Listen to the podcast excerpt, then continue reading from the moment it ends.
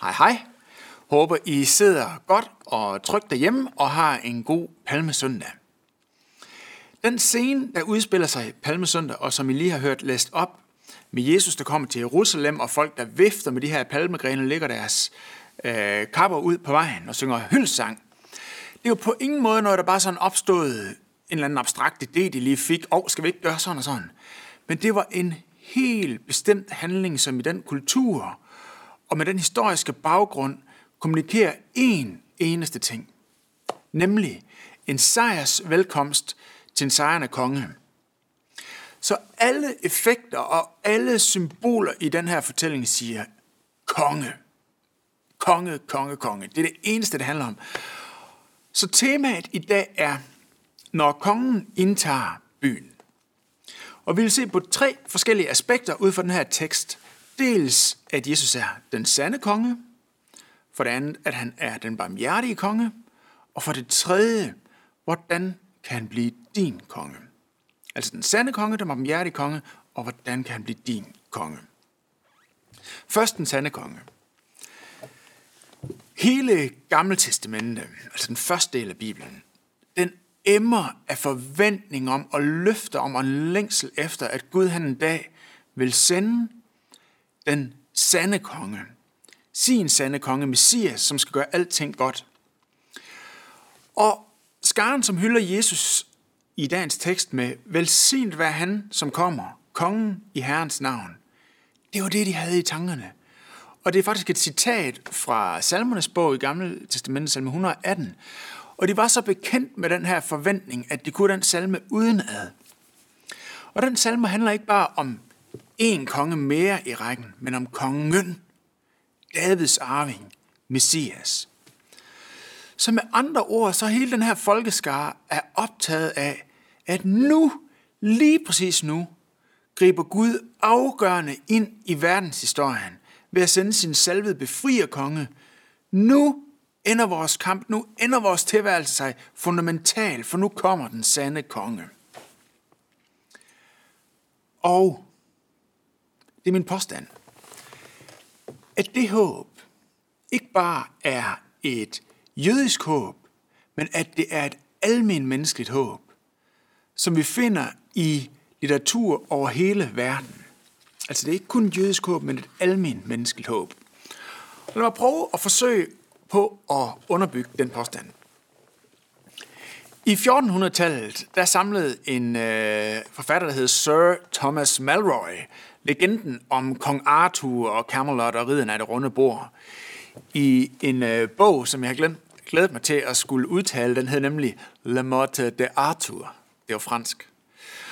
Og øh, den beskriver kong Arthurs død, og beskriver, hvordan de skrev på hans gravsten. Rex quantum rex futurus. Det latine betyder konge en gang og konge i fremtiden. Altså, vi forventer, at den her fantastiske konge vil komme tilbage på et tidspunkt. Klassisk litteratur. Det samme finder vi i øh, legenden om Robin Hood, der sammen med sin gave svende kæmper imod uretfærdighed og ondskab og sheriffen af Nottingham, fordi de har den forventning, at en dag, der vil deres kamp ikke være forgæves, fordi en dag, der vil den sande konge, Richard Løvehjerte, vende tilbage og gøre alting godt. Og hvis vi springer frem til, en, øh, til vores tid med Hollywood-filmen The Matrix, en science fiction film, der også omhandler en profeti, der siger, at en dag vil The One fremstå, og så vil vi kunne overvinde vores fjender, og alting vil se lys ud, vores fremtid vil se lys ud igen. Det er så stærkt et håb, det her, på tværs af tider og på tværs af kulturer. Men det håb har heller ikke altid tjent os vel.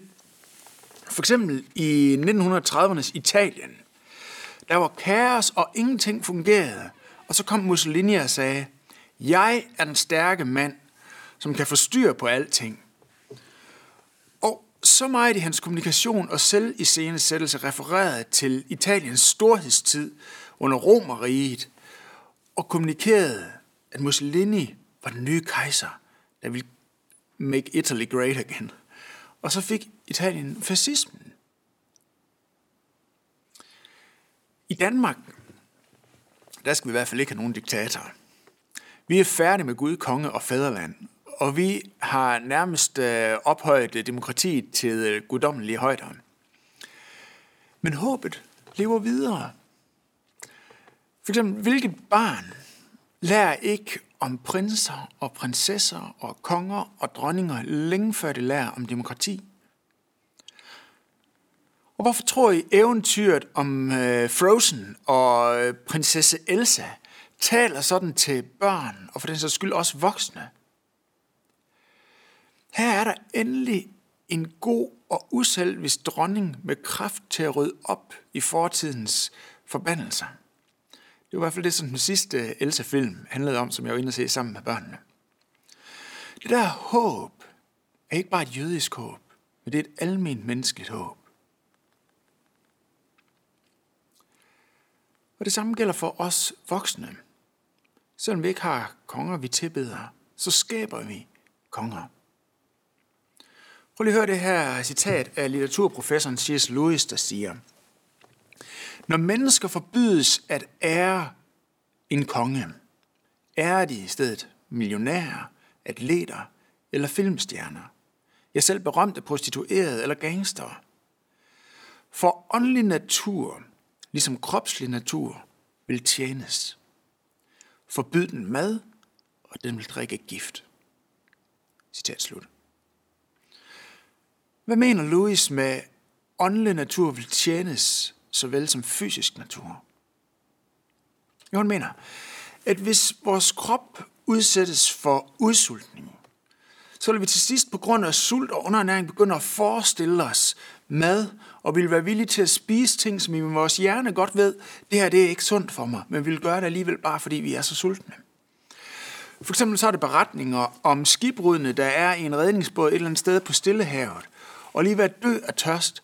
Og selvom de med deres hoved ved, at hvis de begynder at drikke det her saltvand, som de sejler rundt i, så vil øh, de hive væsken ud af deres krop, og de vil dø, så gør de det alligevel, som fordi de er så tørstige. Og Louis siger, at åndelig natur vil tjenes ligesom fysisk natur. Vi kan fortælle os selv, at vi ikke har brug for nogen konge, men det har vi. Og jeg har to bud på, hvorfor vi har brug for en konge. Det første er, at det har vi, fordi at vi har brug for at leve for noget. Uanset hvor sekulær eller individualistisk vi er, så har vi brug for at leve for noget. Jeg må have mening i mit liv. Mit liv må have en betydning. Så vi siger, enten fordi jeg lever sådan, eller gør sådan, eller har betydning for de og de mennesker, eller har opnået det og det resultat, så har mit liv værdi. Så er det ikke øh, ligegyldigt. Så betyder det noget. Men uanset hvilke formål, så er det aldrig det formål, der tjener mig. Det er altid mig, der tjener det specifikke formål. Det er ikke dig, der har kontrol. Men formålet har autoritet over dig. Du har allerede kronet et eller andet. Ellers skal du ikke leve. Du må leve for noget for at have mening i dit liv. Og for at leve for noget, må du krone det og gøre det til din konge. Er det din karriere, så er din karriere autoritet over dig. Er det dine børn, du lever for, at de må blive lykkelige, så bliver dine børn din herre. Og det samme gælder, hvis vi lever for en politisk sag, eller for en social sag, eller en miljømæssig sag.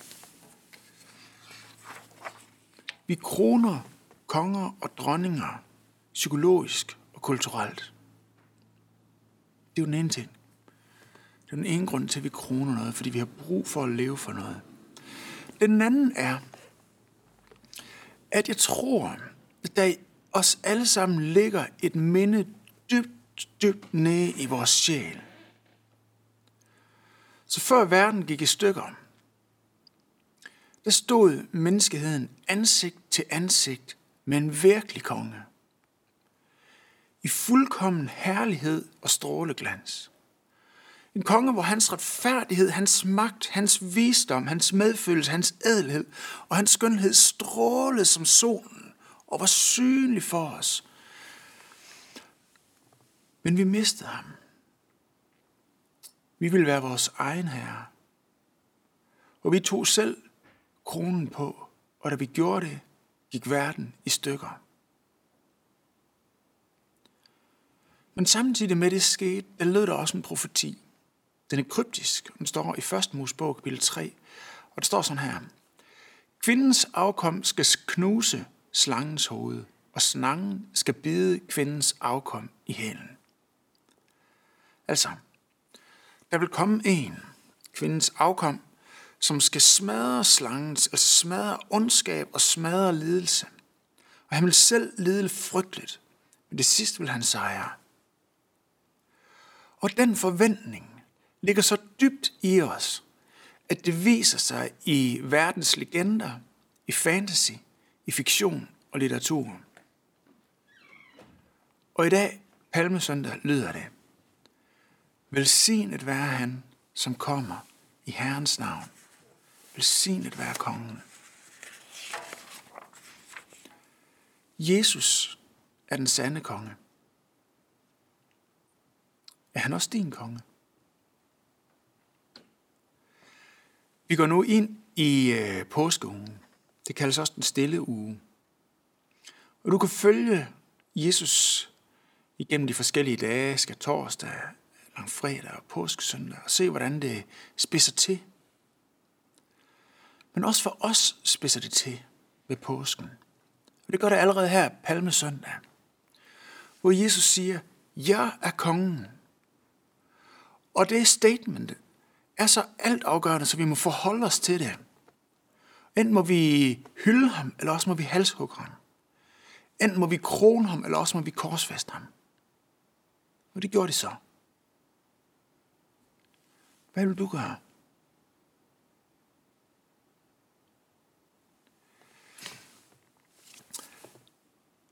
Der er en udfordring, som vi som regel bliver nødt til at håndtere, når vi stilles over for et statement som det.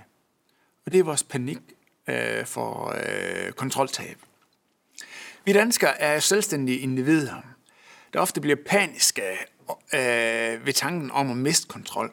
For eksempel når vi skal tilmelde os et eller andet arrangement, så er der ingen, der gør det i god tid. Man gør det først lige i sidste øjeblik, 10 minutter før deadline, for tænk, hvis der skulle komme et eller andet sjovere op, som jeg hellere vil til, og så allerede have afgivet magten over min lørdag aften. Det ville være forfærdeligt kontroltab. Så vi tilmelder os først i sidste øjeblik. Og så snart vi taler om, at Jesus ikke bare er en eller anden dejlig og varm og blød skumfidus, der på en eller anden diffus måde kommer ind i vores liv og giver en eller anden form for velvære, men at han kommer som konge, som vi må give autoritet til. Så kan man godt forstå en lidt ængstelig tics over det. Men prøv lige at overveje. For det første, du har i forvejen ikke kontrol over dit liv. Du er allerede bundet. Du tjener allerede et eller andet andet, som du har givet autoritet til. Der er en forfatter, forfatter der hedder Rebecca Manley Pibbert, som siger, Søg magt, og du vil være kontrolleret af magt. Søg accept, og du vil være kontrolleret af de mennesker, du søger accept hos. Så den første point er, du har ikke magt over dit liv i forvejen. Og den anden er, og det er min påstand, du var med til at vurdere den. Min påstand er, at så mange af dine problemer skyldes, at de ting, du har kronet, undertrykker dig. Det kan være din karriere. Det kan være dine forældre og deres forventninger. Det kan være, at du lever for at lykkes som far eller som mor. Det kan være, at du har kronet det at have et godt øh, udseende, altså lækker ud. Og så betyder det, at du altid frygter for at fremstå grim. Så mange af vores problemer skyldes, at vi har kronet og tjener ting, vi simpelthen ikke er skabt til at tilbede. Og du siger måske, jamen jeg ønsker faktisk virkelig forandring i mit liv, men du vil ikke miste kontrol. Men ved du hvad? Du har allerede mistet kontrol. Og den eneste måde, dit liv kan forandres på, er ved at tjene en anden konge. Og Jesus er den eneste konge, der ikke vil undertrykke dig. Hvorfor? Ja, det skal vi se på under det andet spørgsmål. Nemlig det, at han er den barmhjertige konge. Det har altid undret mig, hvorfor den her beretning om øh, Palmesøndag skulle have så meget fyldstof omkring det her med æslet. Så sagde han, gå hen og hente et æsel, der står bundet, og så er der en mand, der spørger la la la, og så skal I sige la la la, og så gik de hen og gjorde det, der var en mand, der spurgte, og så svarede de, og så satte han sig op på det, og la la la, og jeg tænker, come on, lad os komme videre. Altså det er ikke os alle sammen, der er æsel interesseret. Lad os komme hen til noget, der har betydning i den her beretning. Men ved du alle fire evangelister, de bruger spalteplads på at beskrive det her. Hvorfor? Jamen det gør det for det første, fordi at Jesus ved at ride ind på et æsel opfylder en profeti fra Zakarias' bog i Gamle Testamentet, kapitel 9, vers 9, hvor der står, Se, din konge kommer til dig, retfærdig og sejrig, sagt modig, ridende på et æsel, på en æselhoppes føl. Men helt ærligt, konger kommer der ikke ridende på æsler. det gør det da ikke. De rider der på heste, hvis det er, de rider på noget, ikke også? Og der er slet ikke på et føl. Det kan et barn ride på, eller en hobbit, eller et eller andet, men ikke en konge vel. Men der er noget paradoxalt over den her ridetur. På den ene side, så står der, at han kommer retfærdig og sejrig. Ja, det kan vi forstå. Det har noget med en konge at gøre. Men samtidig så står der, at han kommer sagt modig. Og jeg ved ikke, om der er nogen, der ved, hvad det danske ord sagt modig betyder. Men det græske ord, som er oversat med det danske sagt modig, betyder blid, ydmyg, hensynsfuld, mild, beskeden. Og jeg kan forestille mig en ordveksling, der har været mellem Jesus og disciplene, dagen før palmesøndag, hvor Jesus han siger til disciplene, ved at være gutter, i morgen, der rider jeg ind i Jerusalem og lader mig hylde som konge. Og disciplene siger, fedt Jesus, endelig begynder du at opføre som Messias. Det er godt, godt Jesus. Og Jesus han fortsætter, og I skal vide, at jeg vil ride ind på et æsel. Og disciplene de siger, nej Jesus, det må du ikke. Du, du mangler simpelthen hjælp til din markedsføring, Jesus. Er du klar over det, Jesus? The medium is the message. Du kommunikerer fuldstændig skævt. Tag et semester på journalisthøjskolen og sådan noget. Men Jesus han siger, jeg ved præcis, hvad det er, jeg kommunikerer. For jeg kommer ikke som en krigshelt med supermagt, men jeg kommer som Herrens lidende tjener. Jeg kommer ikke for at eksekvere retfærdighed, men jeg kommer for at bringe retfærdighed. Hvis Jesus var kommet på en stor krigshest, og har hugget hovedet af nogle romer og smidt besættelsesmagten ud, det var det, der var en forventning om, at den messias ville gøre, så havde det godt nok givet en begrænset frihed, nemlig en politisk frihed. En begrænset frihed for et begrænset antal mennesker i en begrænset årrække. Det har været sådan en lille ting for nogle dem, der boede i Jerusalem og omegn i en bestemt epoke af verdenshistorien og sådan noget. Men nu kommer han. Ikke bare som en lokal, national messias. Men han kom for at modtage den guddommelige vrede over menneskers synd. Han kom for at bære konsekvensen af hele menneskehedens oprør mod deres sande konge i al fortid, nutid og fremtid. Så Gud kan tilgive i dig. Og så Gud kan begynde at genoprette det, som er gået i stykker. Og så Gud endda kan til intet gøre al sygdom, ondskab og nød og død, corona og hvad det ellers måtte være. Ikke bare i Jerusalem i en årrække, men for hele menneskeheden i al evighed. Og fordi han er den barmhjertige konge, så kan du stole på ham.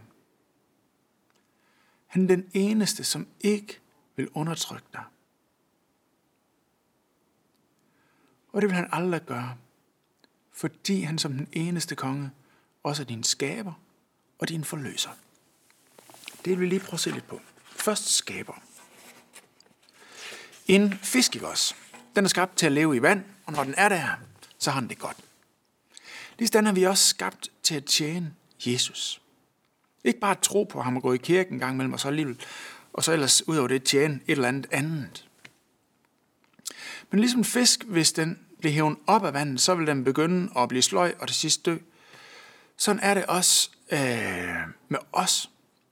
Men når vi tjener ham, som er den suveræne autoritet i hele verden, og gør ham til den suveræne autoritet også i vores liv, så er det simpelthen ligesom, når en fisk kommer tilbage i vandet. Og prøv at lægge mærke til den sjove passus i øh, beretningen her om Palmesøndag. Der står om det her æselføl, som Jesus redde på, og der står utryggeligt, at det er et føl, som ingen nogensinde har reddet på før. Og jeg skal indrømme, at jeg er hverken den store heste- eller æsel- eller ride-ekspert på nogen som helst måde. Men jeg ved, at man, hvis man sætter sig op på en hest, som ikke er tæmmet og ikke reddet til, så er den ikke bare stille og rolig og kigger op på sin rytter og siger, hvor vil du så gerne hen i dag, min ven? Og så bliver den tosset, så hopper den og bukker og stejler og prøver på at smide en af. Men det gør den ikke her. Hvad er det, der sker? Hvad er det, det betyder? Jeg tror, det er et mirakel, som skal kommunikere, at med, med det, der er skabningen igen forenet med sin skaber. I den mest tilfredsstillende relation af alle. Følg går lydigt og frit og glad med Jesus som rytter. Du kan stole på ham, fordi han er din skaber. Og for det andet, så kan du stole på ham, fordi han er din forløser. Hvis du lever for din karriere og svigter din karriere, så vil din karriere straffe dig hele livet. For den kan ikke dø for dine sønder. Den kan ikke dø for dit svigt. Og har du svigtet den, så vil den blive ved med at straffe dig. Det samme, hvis du lever for dine børn, eller hvis du lever for at fremstå intelligent, eller du lever for at fremstå moderigtig, eller du lever for at fremstå vellykket. Vil du svigte, hvis du svigter, så vil du blive smadret af det, som du har kronet.